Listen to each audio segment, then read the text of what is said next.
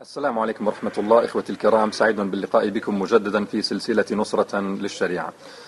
تصوروا معي ثلاثة رجال عادوا إلى بيوتهم فرأوا فيها نارا. والوضع في كل بيت من البيوت الثلاثة على النحو الآتي. الماء في الحديقة قليل بينما من أضرموا النار يمدونها بالوقود ليزيدوها اشتعالا. الجيران لا يريدون أن يساعدوا. النار وصلت إلى غرفة الأولاد وهم محاصرون بها. والزوجة تكاد تختنق من الدخان. والنار في طريقها إلى الخزانة التي فيها تحويشة العمر. أصيب كل رجل من الثلاثة بالذهول فهو لا يعرف ماذا يفعل. أيبدأ بإطفاء النار؟ وأية نار يطفئ بالماء القليل. أم هل ينشغل بقتال الذين يصبون الوقود على النار؟ أم بإسعاف زوجته؟ أم بإخراج أولاده من غرفتهم أم بإنقاذ تحويشة العمر؟ أم بإقناع جيرانه القساة واسترحامهم ليهبوا لنجدته؟ هنا تصرف كل رجل من الثلاثة بطريقة مختلفة. الأول رأى زوجته المختنقة في رمقها الأخير فأخرجها من البيت ليسعفها بملابسها البيتية والرجال حوله يشاهدونها. كما أنه ترك النار تأكل الخزانة التي فيها تحويشة العمر لأنه انشغل بإخراج أولاده المحاصرين بالنار. هل هذا الأول مسيء؟ لا طبعا ليس مسيئا. فهو انشغل بالأهم عن المهم. فحفظ نفس زوجته مقدم على سترها وحفظ نفوس أولاده مقدم على حفظ المال. الثاني انشغل بإطفاء النار المتوجهة إلى خزانة ماله وترك زوجته المختنقة وأولاده المحاصرين. ثم صلى ركعتي نافلة وأطال السجود ودعا الله أن يطفئ النار بخارقة من عنده. هل هذا الرجل مسيء؟ طبعا هو مسيء لأنه انشغل بحفظ المال عن حفظ النفس.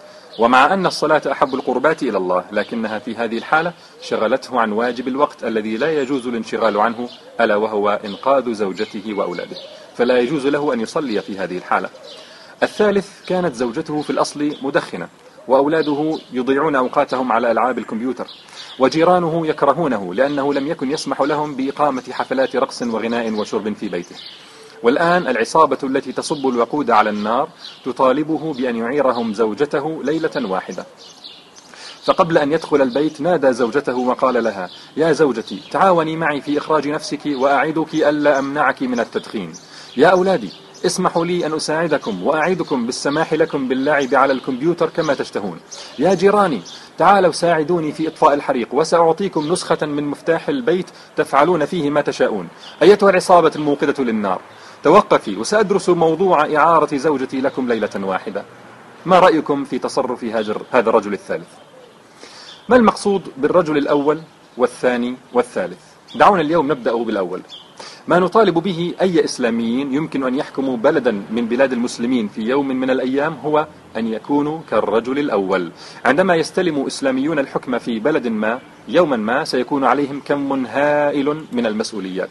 مقاومة العدو الخارجي وكبت المناوئين للشريعة من العلمانيين والمنافقين والعملاء والقضاء على الفتن والتنازعات الداخلية وبناء نظام اقتصادي إسلامي قوي وإبطال العقود المخالفة للشريعة ووقف تعاطي الربا وتربية الجيش تربية إيمانية وتغيير قياداته الفاسدة وصناعة الأسلحة وإعداد العدة وتأسيس جهاز قضائي يحكم بالشريعة وأطعام الجياع وتوفير العلاج ومنع الاحتكار والرشوة والغش وتوفير العمل للعاطلين عن العمل والقضاء على الخمر والمخدرات والحشيش ومنع الاختلاط في أماكن التعليم والعمل وإشاعة أجواء عامة نظيفة لا تستثار فيها الغرائز وإعادة صياغة المناهج التعليمية والإعلام صياغة إسلامية صحيحة وإيقاف الجرائم وإقامة نظام عقوبات إسلامي للمخالفين ورد المنتهبات التي انتهبتها الطبقة الفاسدة إلى المجتمع وتعليم الناس ما يلزمهم في دينهم ودنياهم وغير ذلك الكثير. الكثير هذا كله داخل في مصطلح تطبيق الشريعة. هذا كله من تطبيق الشريعة.